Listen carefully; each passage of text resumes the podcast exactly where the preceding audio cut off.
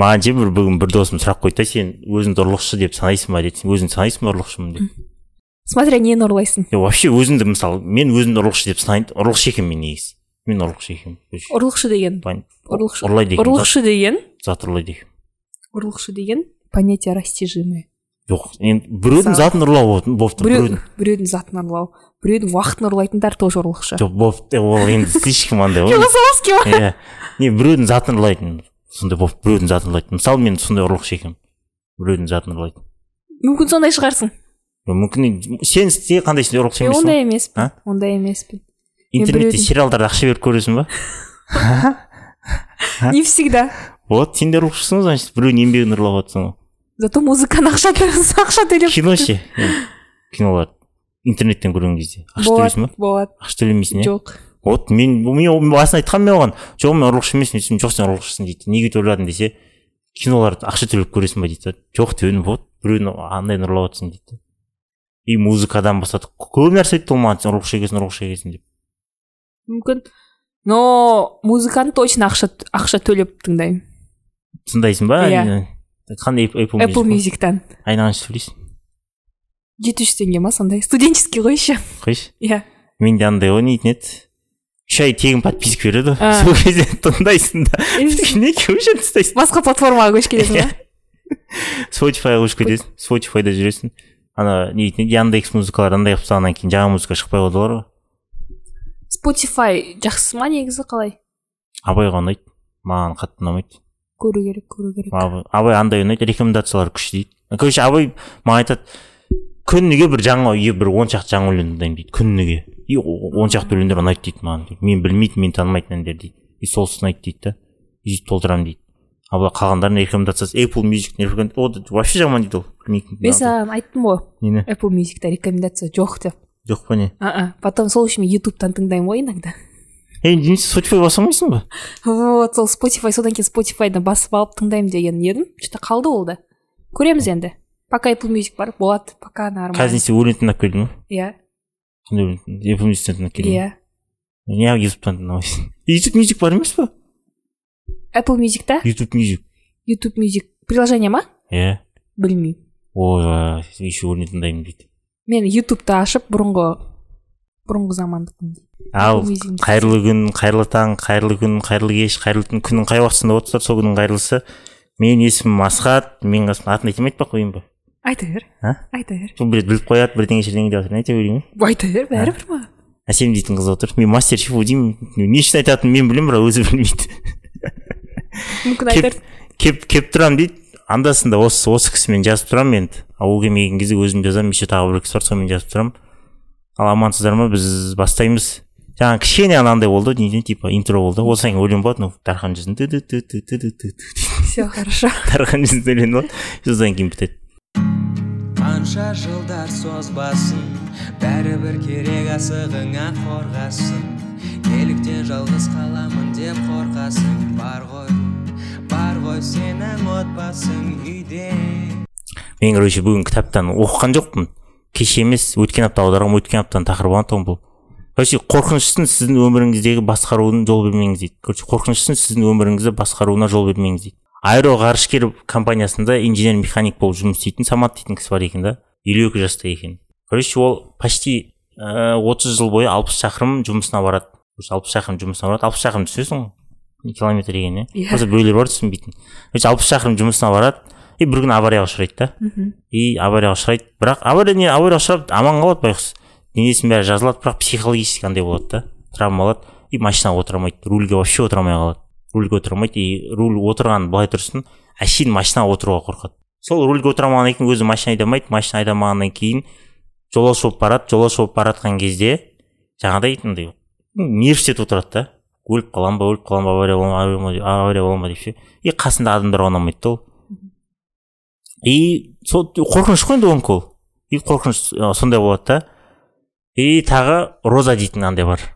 Қырық қырық қырық үш жас қырық үш жастағы қырық үш жастағы орта мектептің директоры бар. Орта мектептің директоры жұмыс істейді үш баланы тәрбиелейді. Бір күні короче талғат дейтін күйеуі оған измена жасайды. И оны көреді да сөйтіп потом ол қорқып қалады. Күйеуіне сенбей қалады да измена жасаған екен енді осындай осындай деп. И талғат потом айтады типа өзім өз кінәсін мойындайды ойбай болды осындай мындай жақсы болады бәрі жақсы болады дейді да. Бірақ анау бәрібір уже қорқып қалады ұшынып қалады да. И потом оған сенгісі келмейді. И сол самат пен розаның арасында короче ну андай болып қалады короче сенбейді ну вообще сенбейді и сол осы кітапта айтып жатыр да ауыр, ауыр жарақаттар бір емес екі соққы береді дейді да бірінші біздің өз қауіпсіздігімізге деген өтірік нық сенімімізді бұзады дейді өзің мысалы сен жаңағыдай роза андай қылды ғой тұрмысқа шықты ғой и күйеуіне сенеді ғой мысалы мен қауіпсіздемін жаңағыдай ше мысалы біреуге тұрмысқа шығасың болды ажыраспаймын деп ойлайсың ғой бәрі жақсы болады деп и сондай қауіпсіздікті бірінші соны қиратады дейді да.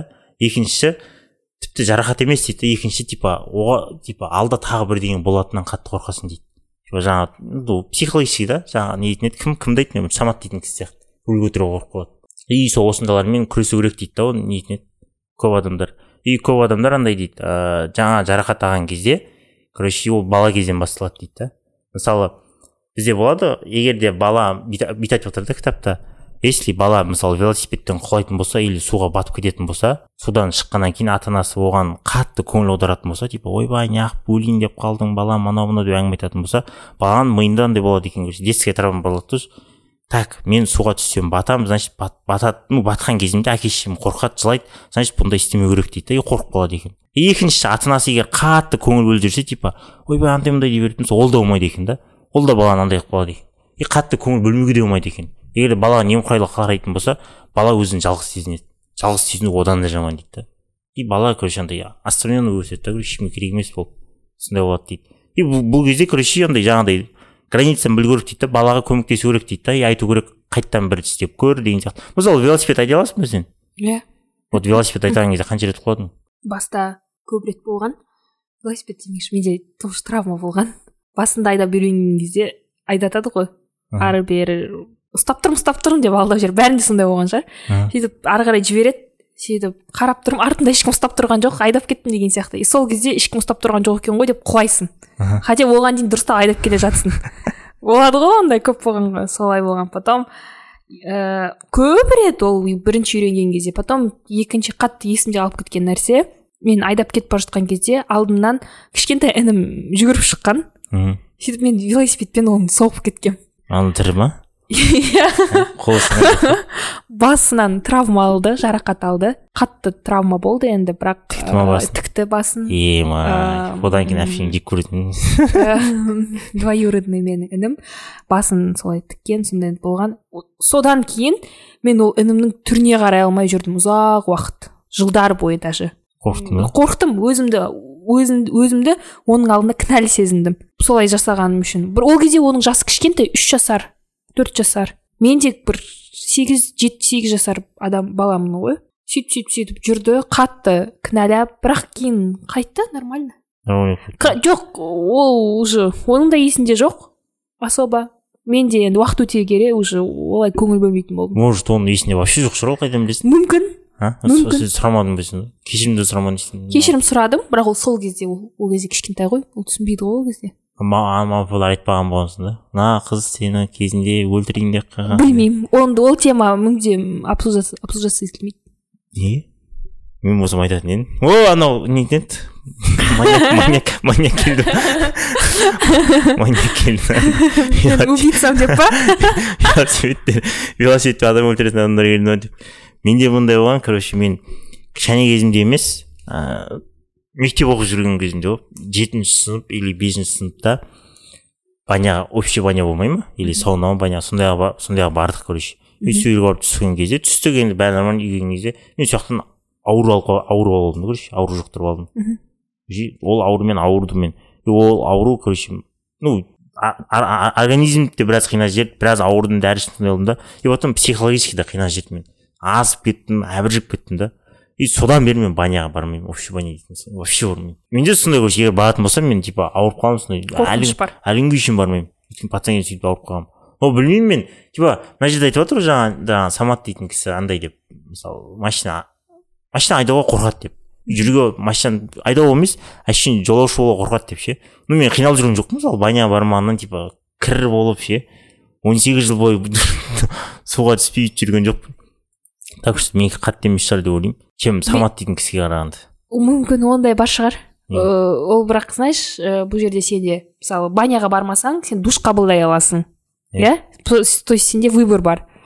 Там душ бар немесе өзіңнің үйіңдегі баня бар да общий болмаса иә өзіңе баня сенде выход бар сенде выход бар. Ал енді бұл самат деген кісіде самолетпен шығу таксимен бармаса одан басқа қандай выход бар? Автобуспен. Бар велосипедпен барсың алпыс шақырым алпыс шақырым велосипедпен. қанша сағат жүреді? сағат үш сағат жүресің. Үш сағат үш төрт сағат жүресің. Зато денсаулығы ат болады. Зато иә. Дұрыс. И самолетпен барса. Как раз өзі аэроғарышкер екен сондай. Ракетамен барсың да сразу. Қой ракетамен. Енді ұшамын дегенше өткізетін сияқты. ғой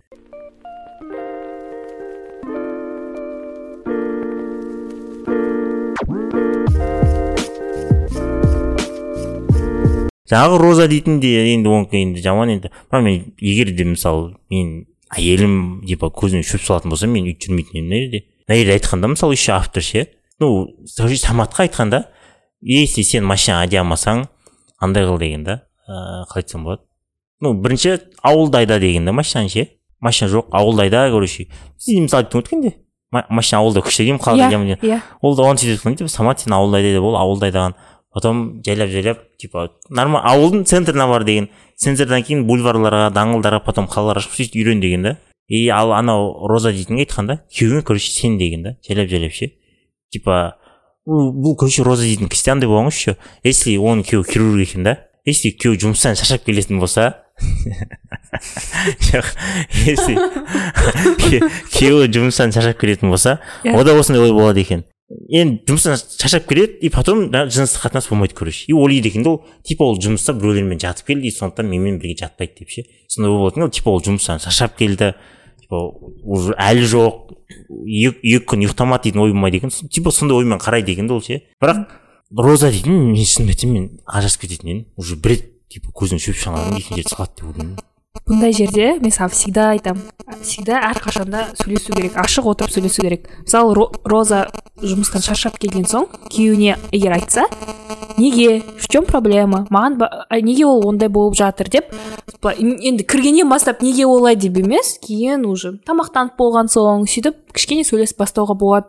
Мысалы шай ішіп отырып осындай осындай ә, это меня тревожит деп мысалы. айтады ғой. Тамақ іштересің бе атауым ішемін ба ішпеймін ба? жоқ ішіп болып потом потом уже шай мысалы немесе қасына фрукты әкеліп беріп м күйеу м, жаным осындай осындай неге осындай болып жатыр деп айтса күйеу де айтады мен шаршап тұрған едім содан кейін осындай болып жатыр деп күйеу де мысалы шаршағанын айтып проблемалармен бөліссе оған тоже жеңілдейді.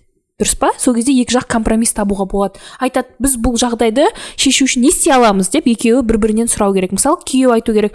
Білем м саған бұл, бұл нәрседен енді мысалы сен көңілің толмай тұр. Мен оны қалай я могу это исправить. Деп мысалы күйеу сұрауға болады да? И әйелі уже айтады потом әйел де өзінің ойын айтады сөйтіп сөйтіп компромисс табуға болады біріншіден екіншіден неге айтасың сен? Ажырасып кететін едім ғой деген сияқты. Бірақ ә, адамдар әртүрлі болады мысалы иә болады біреулер. Измену не прощает анау мынау бір рет болғаннан кейін уже ажырасу керек дейді да? Жоқ. Бірақ бір адамдар наоборот уже однолюб деп айтады ғой. Бір жақсы көреді да. Болды ол. Басқа ешқандай адам жақсы көре алмайды. Сол адамға привязан ол. Иә измена болды. Иә басқа болды да. Неше түрлі боль причиняли. Но мен білемін ондай адамдарды. Ол адамнан кетпейді басқа ешқайда. Соны жақсы көреді болды. Иә оған қиын сол адаммен өмір сүрген. Бірақ олсыз одан да қиын. Сондықтан олар қалады. Бірақ сонда да тем более қыз болғаннан кейін миында тұрады. Блин а че если тағы да сондай измена болса ше деген сияқты всегда қорқыныш болады. Ондай адамдар да бар. Қыздарды неміз жоқ. Если бір рет жасалса ол негізі өтірік. Ну негізі қайталанады. Қайталанады. деп айтады бәрі иә. Бірақ бар ғой қайталамайтындар да. А может сенікі ондай емес шығар. Мен типа андай қылғым келмейді. Не- бинго ойнағым келмейді. Екінші рет болса не істейсің сонда болыпты үшінші ретте ба үшінші жоқ уже екінші реттен кейін вывод жасайтындар бар сондайлар да бар енді мысалы мынандай бар ғой измена емес ыыы мысалы қыз бен жігіт болып жүріп жүреді да қыз бен жігіт болып жүріп жүреді да и жігіт оған больно жасайды ол мысалы барып измена жасайды басқа істейді содан кейін мен талай рет көргем қыздардың бүкіл жігіт атаулысына көңілдері қалып кетеді не только ол жігітке болды одан кейін олар өздеріне жабылып қалады потому что оларда всегда қорқыныш тұрады қазір мен тағы да бір жігітпен жүрсем оған бауыр басып қалсам ол маған измена жасаса маған қиын болады дейді да. Болды ол. Осыдан кейін уже отношения маған керек емес деп шығатындар бар. Я сильная независимая дегендер осындайдан. Шығады феминистикалар ма? Иә тек қана не только феминистка вообще. Мен уже отношениядан көңілі қалады да. И өзіне қайта қайта больно жасағысы келмейді. Содан кейін жарайды деп қоя ну саламын бірақ мен өзім андай қылатын давай до свидания дейтін едім өзімді қинағым келмейді. Мен ондай ештеңе айтқым келмейді. Үйтем бүйтем деп. Бірақ это плохо. Мен ондай нәрсені не поддерживаю. Измена. Мен наверное не выдержала бы даже деп. Бәрібір ештеңе айтқым келмейді. Мен үшін ол өте ауыр зат та өте ауыр зат. Мен мен мен мен отырып жүрмін обсуждение жасамайтын едім типа. Осындай бар неге үшін олай «Я, істедің деп па типа неге так получилось былай болып қалды типа өзімен өзі деген сияқты. Мен просто көрдім ба ертесіне просто болды давай деп. Ештеңе просто документтер алып жинап давай кете берейік дедім не үшін кешір бірдеңе просто бұл болатын нәрсе бір рет қайталанса екі рет ол адамды жақсы көрсең ше мен ба? Иә ол адамсыз ол адамсыз өмір сүре мен ондай алмайсың емеспін сен ондай емессің өзім өзім жауап беремін. Аналарға білмеймін енді олар өздерінің басы бар ғой енді. Иә, олар иә. өздері жауап береді. Мен давай свидания ол просто андай бар ғой. Не мен кеше ғана бір кітапта оқығанмын если сен бір рет сылтау тапсаң екінші рет сылтау табу оп оңай оп оңай и сол кітапта жазған әшейін мысал ретінде ше мысалы просто андай эксперимент жасағанда кішкентай балаларға ше короче шоколадты оқып қойған төбеге алмаңдар бөлетін шоколад деген да и бір шоколадты алған біреулер алмаған біреу алған да и бір рет байқамаған екі рет алған екі рет байқамаған үш рет алған үш рет байқамаған төртінші алған кезде сылтау тапқанда айтады ұсталып қалған бірақ сылтау айтқан осыны а болыпты деген да и ана бала ойлады да қайтадан ұрлаған уже ананың бір рет сылтауына сенді да короче иә значит так можно деген Иә, ой иә. қалыптасады да мен алдай береді екенмін алдана Иә, береді иә, екенмін кете бер иә, кете бер иә, кете иә, бер дейді да и ал короче алмаған балдар до конца алмаған алған балдар сөйтіп сылтау айтқан короче. Короче үш рет ұсталмаған ұрлай берген ұрлай берген ұрлай берген. Ұсталып қалған кезде сылтау айтқан сылтауға бәрі өтірік кешіре салған потом қайтадан ұрлай бастаған. Если что сылтау айта саламын деген сияқты. Иә дұрыс қой бірақ отношения ол конфет емес қой. Бір измена болғаннан кейін бір сылтау айтқаннан кейін а болды деп бәрі ұмытыла салмайды ғой. Ол үлкен ұрыс болады реніш болады ажырасып кетуге дейін барады мүмкін ажырасып кейін қосылатындар да бар. Ажырасып енді- ажырасқандар бар ондай тоже ажырасып если да потом. если арада бала болса болыпты түсінуге болады не только бала. Көп нәрсе көп фактор сен по идее андай андай болатын сияқты екен ше андай Қандай? кешірімшіл бар емеспін бірінші андай қылатын бірінші бар типа ойбай бүйтейік қайтадан қосылайық деп ше. Жоқ жоқ. Изменаны кешіре алмаймын. Жоқ айтқым келмейді айтып жатырмын ғой құдай сақтасын вообще измена туралы. Даже ойлағым да келмейді. Құдай сақтасын сақтансаң өмірімде сақтайды дейді ғой. өмірімде болмасыншы жоқ болыпты андай.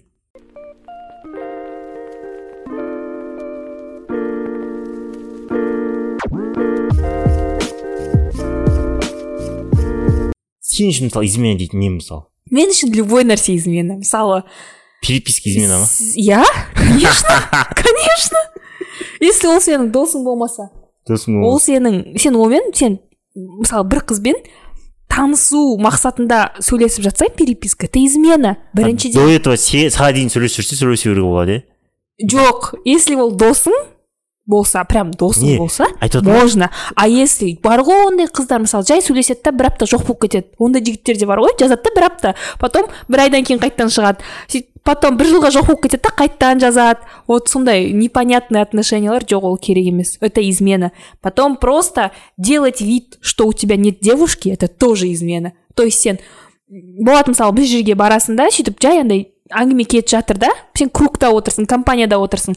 Мысалы ә, қызы бар жігіттер сразу қызы бар екенін бірдеңе қылып білдіреді мысалы. Бір қыздар келсе мысалы қызым бар или сондай сияқты бір хотя бы намек болсын тура болмаса да айтады біреулер тура айтады. А если сен үндемей қалсаң сол кезде это уже измена. Сен қызың, бар екенін жасырып отырсың.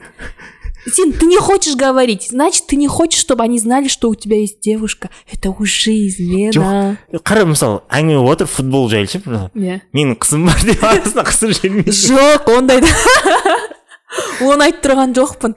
Мысалы айтып жатырмын ғой компанияда отырған кезде болады иногда. Мысалы бір қыздар былай подход жасап бастайды қасына отырып айтасың ғой типа? Солай. Потом вообще басқа әңгімелер де болып жатады ғой. Сол кезде біреулер невзначай айтып қояды блин қызым қызым жазып жатыр. Қазір қызыма ә, звондай салайын деген сияқты. Сондай сияқтылай болсын да білдіру керек деп ойлаймын. Сонда өйтіп білдірмесе измена ма білдірмесе емес үндемей қалса қызының бар екенін. А если үндемейді просто сөйлеспейді ана қызбен бір айтпайды бір просто сөйлеспейді андай қылмайды если қызбен сөйлеспесе то да нормально. Значит айтып айтпаған ол жерде главный не еді, қыз қайта қайта андай қыла берсе соңында айтады енді бірақ сөйлеспей отырса үндемей отырса. Не не деп отырсың негізі сразу бірден айтқан дұрыс қызым бар деп. Шегеңе жазыла берген дейді. Иә. Шегеңе жаза ал жігітім бар иә. Это как обручалка. Ғой обручалка жақсы негізі. Обручалка тағып жүресің бәрі көреді да бірақ қазір кейбір адамдарды обручалкада тоқтатпайды. Кімдер мысалы мен білемін еркектер обручалканы шешіп шешіп бір жерге баратындар. Жоқ обручалканы көріп тұрса да барып танысып сөйтіп не қыла береді. Білмеймін қазір қазір заман сондай болып кетті ма? Чайкалар шығар может мүмкін бар ондайлар. Қыздар да ұлдар да. Не только қыздар ұлдар жақтан да бар. Олар мысалы олар шешеді да короче сөйтіп барады мен сөйтіп білемін мен. Оны мен вообще түсінбеймін. Оны олай шешетін болсаң не үшін тақтыңыз? Не үшін үйлендің вообще? Таңдауын андайға қателесетін адамдар да ажырасып кет. Барып, барып әйелімен сөйлес вот измена тоже. Мына қыз там роза деген қыздың күйеуі измена жаса. Бірақ та сен оған измена жасаған келіп тұр иә? Бар да?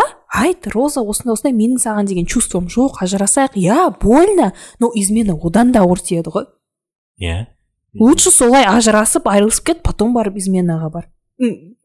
Кіммен жүргің келеді? Он қызбен жүрсең де жүре бересің. Но главное сен ажырасып алдың да өзіңнің әйеліңнің алдында сен как бы тазасың былайша айтқанда. Сонда саған почти бәрі м- м- не еді, кішкентай детальде измена болып табыла ма? Иә. Е сен жігітің анау неғып бүйтіп қарады? Мен қайта андай нәрсе айтып тұрған жоқпын ғой. Бір қызға инстаграмда лайк қойған ам, тағы не? Сондайлар измена деп. Ондайлар да тоже болады наверное измена шығар деп әлі мен просто ондаймен не сталкивалась. А если типа ана қыз әдемі екен деп айтатын болса ше жоқ маған білмеймін маған как как то ол не задевает. Әде- әдемі қыз көп қой қанша қанша әдемі қыз бар ғой мен өзім де айтамын мына қыз әдемі екен иә типа. мынау бала әдемі екен деп. Білмеймін мысалы балаларға ол приятно ма неприятно. Просто а, это просто оценивать красоту. Это же не значит әдемі екен десе сонымен барып танысып кетеді деген нәрсе емес шығар. Ондай нәрсеге мен адекватно отношусь. Ол просто оценивает бір адамның әдемілігін да. Бірақ тура сен сияқтылар ғой сондайды көтере алмайтындар да бар әдемі екен деген мысалы сен жаңа айтып жатрсың ғой білмеймін ондайлар бар шығар енді. компанияда отқан кезде. Конечно лайк басқанды измене деп ойлайтын адамдар болса андайды вообще измене деп ойлайтын шығар әдемі екен деп айтатын болса. Мен әдемі емеспін ба анау мынау деген сияқты Ой, ондайлар бар шығар иә просто мен өзіме қатты самоуверенная деп па өзімнің әдемілігімде самооценка потолок жоқ шучу шутка ғой білмеймін әдемі адам көп қой жалғыз бір екі ақ адам емес қой әдемі әдемі адам көп мен үшін барлық адам әдемі әр, әр адамның өзінің бір изюминкасы бар. Біреудің көзі әдемі біреудің қасы әдемі деген сияқты. Ода тұрған ешнәрсе жоқ деп ойлаймын. Егер сенің жаныңда жүрген жігіт ақыл бар адекватный да сондай жігіт болса әдемі екен дейді. Иә әдемі мүмкін все болды сонымен әңгіме бітеді. А мүмкін ол бала қызғандырғысы келіп тұрғанда шығар. Сөйтіп айтатындар бар ма? Ұлдарда білмеймін мен сондай қазір маған сондай ой келіп тұр. Мүмкін типа мына қыз әдемі екен деп мына қыз мені қызғана ма екен тексеріп көрейінші деп әдейі айтатындар бар шығар. Жоқ или мысалы мындай бар типа намек айтатын бір мысалы ана қыздың шашы әдемі екен? сияқты ше. Это саған намек что шашың тұрғылады екен сияқты. А ондайлар бола ма екен? Иә. Не мына қыздың фигурасы әдемі екен значит саған. Ну мен типа айтпаймын бірақ сөйтіп намек сөйтіп жасайтындар бар ма? Білмеппін ойламаппын. Шашың осындай деген сияқты. Білмеймін. ойланып көру керек екен жалпы. Ондай маған айтылған ба айтылмаған ба деп. Онда ондайлар бар оны көп. Мен мысалы маған шынымды айтсам өйтіп ондай басымды қатырмайды екенмін типа компанияда отырған кезде бүйтіп айтып жүретін тупо сенемін все болды сонымен бітеді короче. Типа жаңағыдай. Андай андай ше мысалы егер де сен не дейтін еді біреумен жүріп жүрсің бірақ сенің суретің инстаграмда жоқ. Сенің оның ол тоже көп айтылатын нәрсе. Бірақ қара мысалы бірақ мысалы бірақ оның короче жақындары бәрі сен туралы біледі. Ә, сол жақындары білгені важнее маңыздырақ деп ойлаймын. Мысалы ә, қара сен мен вообще ондай нәрсені сен айттың ғой маған. Егер бала өзінің қызына уверен болса сол кезде ғана таныстырады деп иә мамасына Иә, иә, папасына иә. сол кезде ғана таныстырады деп айттың. Мен үшін ол ондай нәрсе емес еді. То есть мен уверена болмасам да сол кісіге тұрмысқа шығатынымды. Мен таныстыра беретін едім. Мынау менің жігітім деген сияқты ата анаммен мен ондай нәрсеге поверхностно қарайтын шығар мүмкін. Ата анамен таныстыру деген сияқты жақынына айту деген сияқты. Бірақ сен айтқаннан кейін ойланып қалдым. Мысалы әр жігіт любой жүрген қызын бәрін таныстыра бермейді дедің. Содан кейін мен ойлаймын лучше жақындарының білгені дұрысырақ. То есть если ол жақындарына уже мынау менің қызым деп көрсетсе оның намерениесі серьезный екен деп ойлаймын. А инстаграмда в основном кімдер отырады? Достар отырады.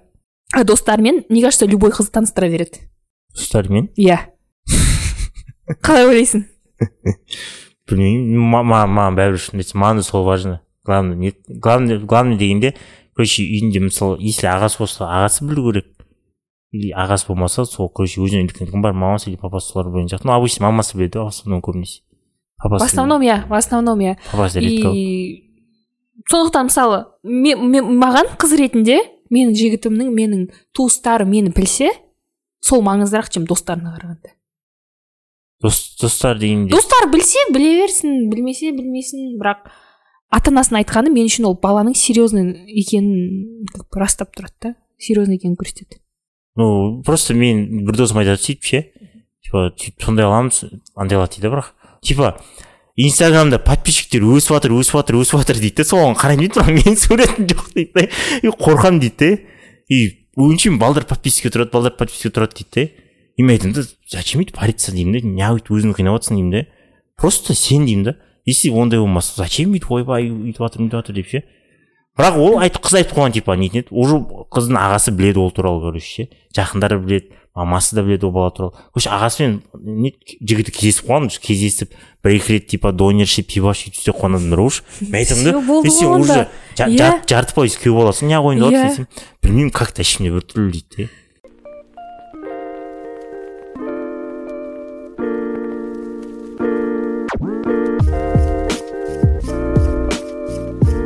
маған осындай жағдай болды осыдан екі күн бұрын ба бір бала жазды инстаграмнан популярныйсың білеміз сәлем там сенімен қай қаладансың бірдеңе бірдеңе деп жазды. Сенімен соған са- саған сонда танысуға жазды балалар қалай сразу сәлем жазады болды ма жоқ олардың да өзі қазір айтып беремін олар бірнеше бірнеше типке бөлінеді деп па. Ол бала маған былай жазды. Қалай жазды ол маған? Қалыңыз қалай? деп па. Мен оны шынымды айтайын пациентім деп ойладым. Потому что инстаграмда қарап қарайсың ғой енді суреттерін қарайсың. И пациентіме ұқсады да онда сен андай қылу керексің танысатын кезде ше анау мұрынды емдетіп бірдеңе жердеңе сөйтіп соңғы публикация сөйтіп бірдеңе бірде- бірдеңе деп жазды не помню короче уже. Сондай бір екі нәрсе жазды сөйтіп барып мен оған жазып жібердім. Сіз менің пациентімсіз ба? деп бірден сұрағына жауап берген жоқпын. Сіз менің пациентімсіз ба? деп жаздым. Сөйткеннен жоқ деді. Сөйтіп а дедім да и дальше игнор кетті. Ана сұрақтарына сол ой ответ жазған жоқпын. Сөйткеннен бір жарты сағаттан кейін жазып жіберіпті. Мен сізбен танысқым келген еді осындай осындай деп. Сөйтіп а дедім да мен сізбен таныса алмаймын өкінішке орай менің жігітім бар деп жазып жібердім. Сөйтсем ол маған ол бала оны не ожидал? Ол үшін шок болды кішкене. Қалайша? Шынымен жігітіңіз бар ма? деген сияқты сондай таңғалу болды. Сөйтіп барып иә дедім осындай сөйткеннен ол маған жазды жарайды мен сіздің отказыңызды қабылдаймын деді. Ойбай бірақ иә.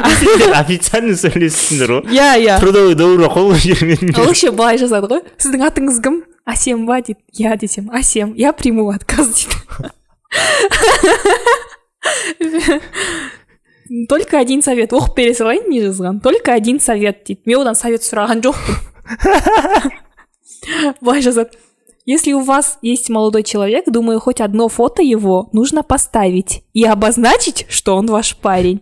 Или в статусе или в ленте. Тогда не будут не будут вас лишний раз тревожить дейді сонда бұл баланың бұл баланың логикасы бойынша любой қыз жүріп жүрген жігітінің лентасына суретін салып бұл менің жігітім деп жазып қою керек па? Қалай? осылай ғой. Бірақ ба- балалардың логикасы сондай егер танысатын болса егер социальный сеть жазатын болса. Мысалы қарайды бүйтіп жазылып тұратындай типа жүрек ключ болып тұрса это статусқа ма? Жүрек ключта деген сияқты. Или жүрек ключ біреу тұрады андай ше? И все болды. Пацаны нас наебали деген сияқты. Или анауа бірінші әрпін жазып а жүрек деп қойып иә па? Иә вот сондай а бірдеңе вот сондай бірдеңе тұратын болса или андай не дейтін еді лентасына кірген кезде жаңағы жігіттің суретін тұратын болса сразу жоқ дейсің. А если ештеңе болмаса көбісі жазады көбісі жазады. Или как минимум закрытый аккаунт болу керек дейсің ғой. Или как минимум закрытый аккаунт соны соған да көбісі көңіл бөледі екен. Закрытый аккаунт болса значит жігіті бар деген сияқты. Фифти фифти ар жақта қарайды иә біреулер иә. тастап көреді. Вот Иә, тастап иә, көреді. Қа- қабылда вот иә иә иә. Ол да бар. Қабылдаса типа не үшін қабылдадың дегендей мысалы мен көрсеткім келмейді. Көрсеткім келмейді. Ол кезде не істейміз мысалы. Жігітің ба иә. Мен де көрсеткім келді мысалы вот сен де салмайсың ғой. Салмаймын иә. салмайсың а ты бы хотел сенің қызың сенің суретіңді лентасына салып қойған? Вот. Не ол біз ғой енді ол типа Ол біз ғой. иә Иә. басқалар да бар ғой енді. Но в основном жаңағыдай ғой балдар. Ну если қара ол жігіт болып кеткен если мысалы танысатын кезде Иә. мысалы мен де жазамын сөйтіп. Мысалы мысалы сенімен танысатын болсам мен саған кіремін да сен ештеңе жоқ мысалы жігітің туралы мен де жазатын едім саған жаңағыдай сіз деп жазбаймын мен жаңағыдай официально «Ай, асыңыз кім анау мынау деп совет айтып ондай қылмаймын мен бірақ жазатын едім мен. Қазір ойлайды ғой андай кино болып құрғаннан кейін жұрттардың бәрі ше типа инстаграмда танысқан ондай емес анау мынау деп ше Иә, дорамадағыдай махаббаттық тема бәрі. иә ондай кетіп бара жатып құлап қалып ұстап қалып. Соғысқа алып кітаптар жерге түсіп бірге Иә. жинап ше оттамашы дейсің ғой ай контакт болып көзіне қарап. Заман сондай қазір деймін да заман сондай. Орда тұрған ештеңе жоқ деймін да ше. Хоть инстаграмда таныс хоть басқа жерде таныс деймін да. Иә. типа ондайды көбінесе балдар западлау көреді инстаграмнан жазылғанда ма? Инстаграммен таныс деп айтқан короче солар западлау көреді короче. Если сен айтатын болсаң типа қай жақта таныстың десе инстаграм таныс десең типа а дей салады да а типа бүйтіп күшті қылып история қылып айтып берсең типа деген сияқты типа сен типа мужик болып көрінесің да. мен соны түсінбеймін. Маған как то бәрібір. Маған да бәрібір екен. Мысалы бұрын инстаграм болғанда бұрын да танысатын еді адамдар. Бұрын не болды? агент болды ма? Агентпен танысты адамдар дұрыс па? Потом вконтакте потом вконтакте кетті қазір инстаграм ертең тағы бірдеңе шықса тағы бірдеңемен таныса береді. Ол білмеймін ол да тұрған нәрсе жоқ деп ойлаймын. Романтический история а былай былай дегендер. Оны иә реально фильм көп көріп қойғандар сондайлар істейтін шығар. Жаңағыдай ғой олар нетін бойламайды короче. Реальностьті андаймен бойламай қалады. В основном көп адамдар. Романтиктер шығар. Романтик емес. Көп адам мысалы кітапты оқығанда осындай художественный книгам бар емес па цитата бар короче оқисың оқисың дейді да кітап біткен кезде сені жалаңалаш өмірге лақтырып жеген сияқты болады сезімде боласың дейді типа. Иә иә. Андай реальностьқа келесің реальностьқа кіресің вот соны қабылдай білу керек дейді а біреулер қабылдай алмайды. Сондайды андайдан іздейді да. Бір кітап шығып еді бір жылдар ұмытып қалдым аты қандай екенін капец популярный болған. Вот сол кезде сондай болып кеткен короче танысудың бәрі типа сол кітаптағыдай болсын деп сондай ондай кітап көп. Жоқ бір сондай прям бүйтіп популярный болып кеткен ше. Менің құлағыма сондай кітап жетсе значит капец популярный болып кетті деген сөз. мен романтик вообще оқымаймын ғой вообще оқымаймын. мен кино көремін ромком бірақ кітап дейтін вообще оқымаймын. И сондай кітап дейтін менің құлағыма келсе значит капец популярный болып кетті деген сөз. Мен наоборот ондай кітаптарды көп оқ- оқитын едім. Мен кішкентай кезімде көп ертегі оқитын едім. Потом сондай романтика оқып бастап господин дарси деп оған да кітап гордость и предупреждение. Оны білемін бірақ көп кітаптар.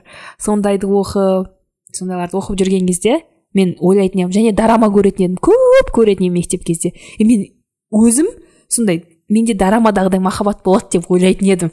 Не оказывается иә не только менде вообще бүкіл адамда сондай махаббат болады деп ойлайтын едім.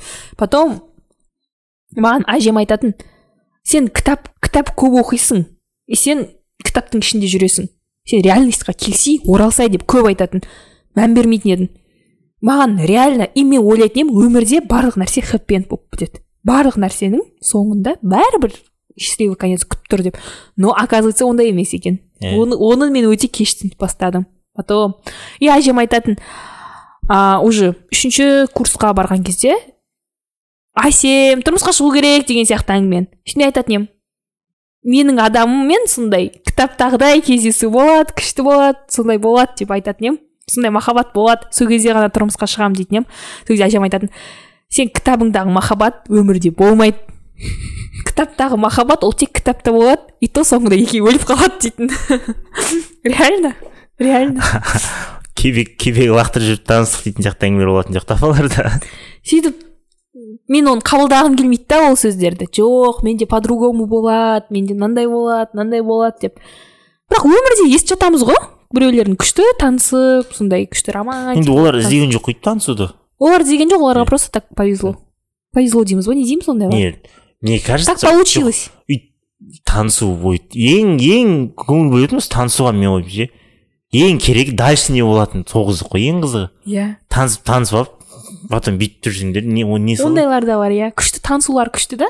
Бірақ не судьба. Иә лучше дұрыс дұрыс. апыр топыр қырылысып танысып сөйтіп ар жақта күшті болып жүрген жақсы емес па? Иә или скучно тиндерде танысып тиндерде танысып қанша сөйленіп кеткендер бар ғой тиндер қазақстанда қолдана ма не? Иә өте көп қолданады. Мен ти- тиндер вообще вот иә мен бір ақ рет свайп свайп сұрамай жүрмегенмен никак не істеймін. Свайп справа ұнайсың лево ұнамайсың емес па иә? Есімде жоқ өмірімде бір ақ рет қолданғанмын и то спордан ұтылып қалғанмын. Испанияда еді и то Қалай?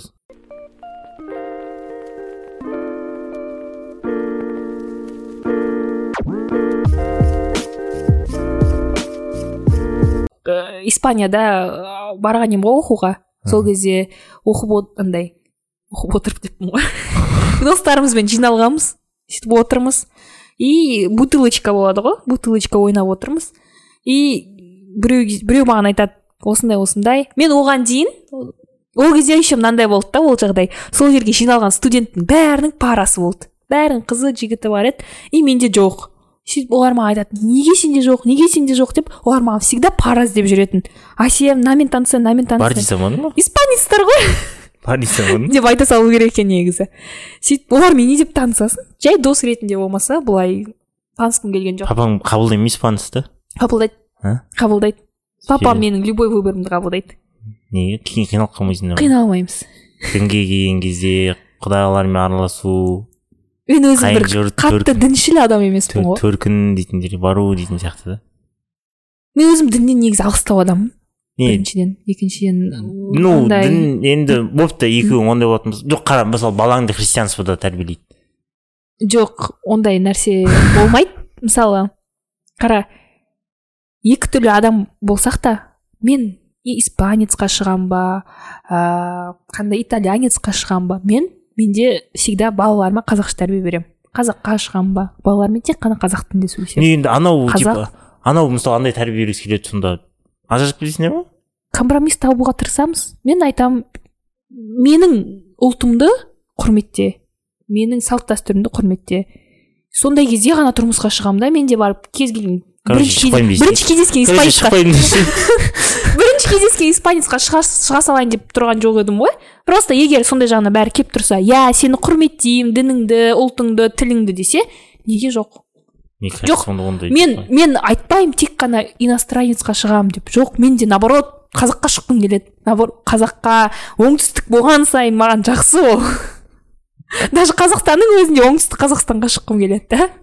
Потому что на одной волне дейді ғой сондай боласың жаңа не айтып жатқанмын жаңа испанский тиндерді айтып жатқанмын иә Сөйтіп- сөйтіп маған айтты сол тиндерді скачай деді скачать етіп алдым айтпайсың ба бізде вк бар деп инстаграммен араласамыз деп па инстаграм білетіндер ғой олар олар онша европада инстаграм дамымаған қойшы олар ә, бар? Бірақ біз сияқты жүргізбейді олар. Неге анау а, американский блогерлар там. американский блог- блогерларды көреді екенмін көп еуропа европейский блогерларды көрмейді екенмін көбінесе американский блогер Жоқ. жоқ олар ин- инстаграмда мысалы біз үшін твиттер сияқты ғой. Мен твиттерде көп отырамын ғой сен сен отырасың бірақ көп адам отырмайды ғой.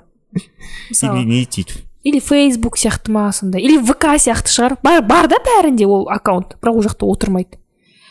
И вот содан кейін скачать етіп алғанмын сөйтіп бір екі испанецтермен араласып көрдім. Испаншамды дамыту үшін ғана деп па. И уже білмеймін ұнамады маған ондай формат тем более. Тиндерді енді көбінесе one night standing анау мынау деп айтқаннан кейін қой құрсын тыныштық керек деп вообще кірген жоқпын. И ең қызығы ең қызығы есімнен шығып кеткен ғой ол тиндер менде бар екені. Сөйтіп қазақстанға келемін қазақстанда локация ауысады ғой. Қазақстандағы адамдарға шығып жатырмын ғой мен астанадағы басқандар бар ма иә мен оны еще уведомление келмейді ғой маған мен есімде жоқ вообще ол сөйтіп бір жиырма күн өткеннен кейін ба «Е, менде тиндер тұр ғой деймін ішіне қарап астана болып тұр ғой локация менде ана адамдардан уведомление келген ұялғанымды айта алмаймын сөйтіп алып удалить етіп тастадым Кө- көрдің ба хотя бы кімнен кейін жоқ көре алмайсың ба да или көре Кө- аласың мне кажется шын айтайын уже есімде жоқ бір жылдан асып кетті но солай қатты ұялып сөйтіп удалить етіп тастағанмын еще удалить етіп тастаған потом аккаунт удалить етпеген ғой мен приложение удалить еткенмін потом маған айтты аккаунт тұрады деп. Сөйтіп қайтадан скачать етіп қайтадан аккаунт удалить етіп потом приложение. бола ма не? А? Аккаунт өшіруге бола ма? Иә. Мне кажется өшіруге болмайды жай приложениені өшірсең сенің аккаунтың тұра береді да адамдарға шыға береді. Тұра берсін кетті? Сөйтіп ұялдым тағы таныстарым шығып.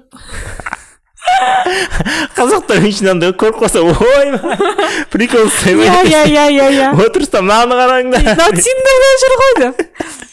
Сөйтіп ұялдым да қой деп тастадым. Вот еуропада қалай екен отношение міне бізде андай білесің мен ше бір жерден оқыдым да гүл беру дейтін бізде ғана қатты дамыған бізде ғана бар. Иә бізде ғана америкада О, вообще гүл бермейді ой е мое ол жақта. бүкіл жоқ.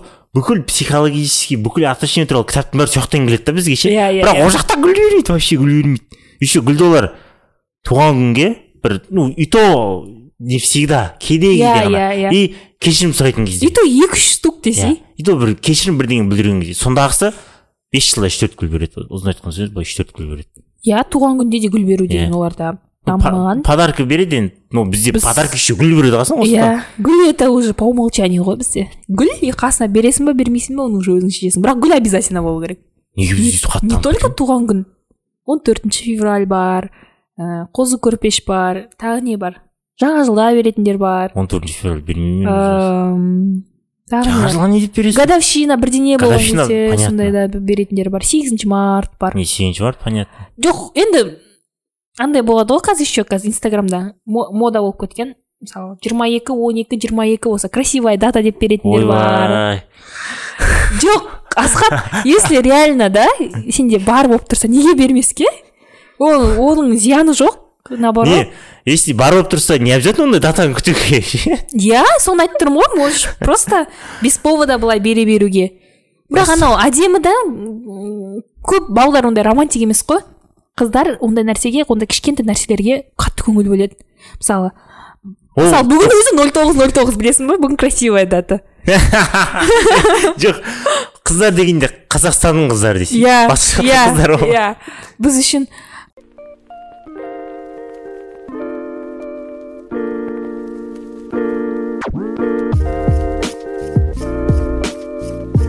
потом мен саған талай рет айтқанмын осы теманы. То что блогерлар деген.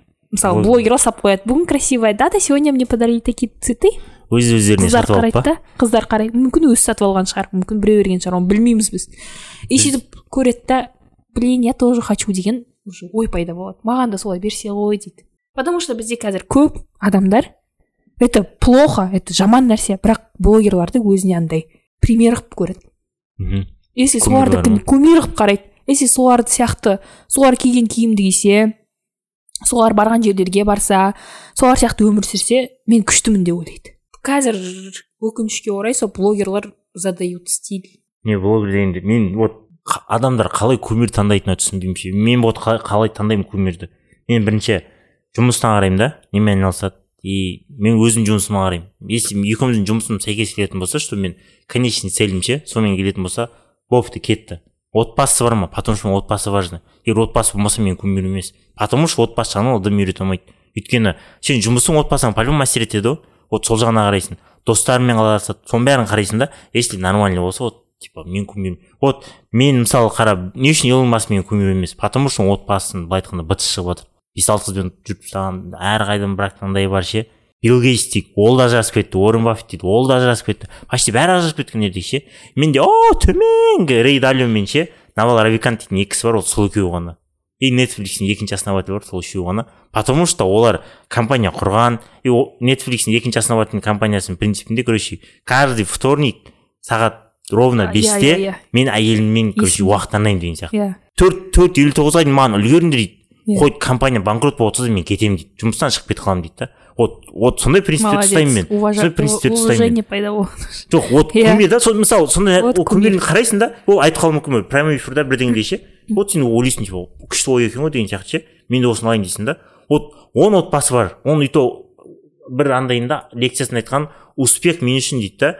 Там бес компания құрып миллиардер болып типа компанияның триллионер болып и мына жақта отбасым бытыш болу емес дейді да. Мен үшін успех дейді да. Бір күшті компания құрып отбасымен бақытты өмір сүру дейді да осы мен үшін жетістік дейді да.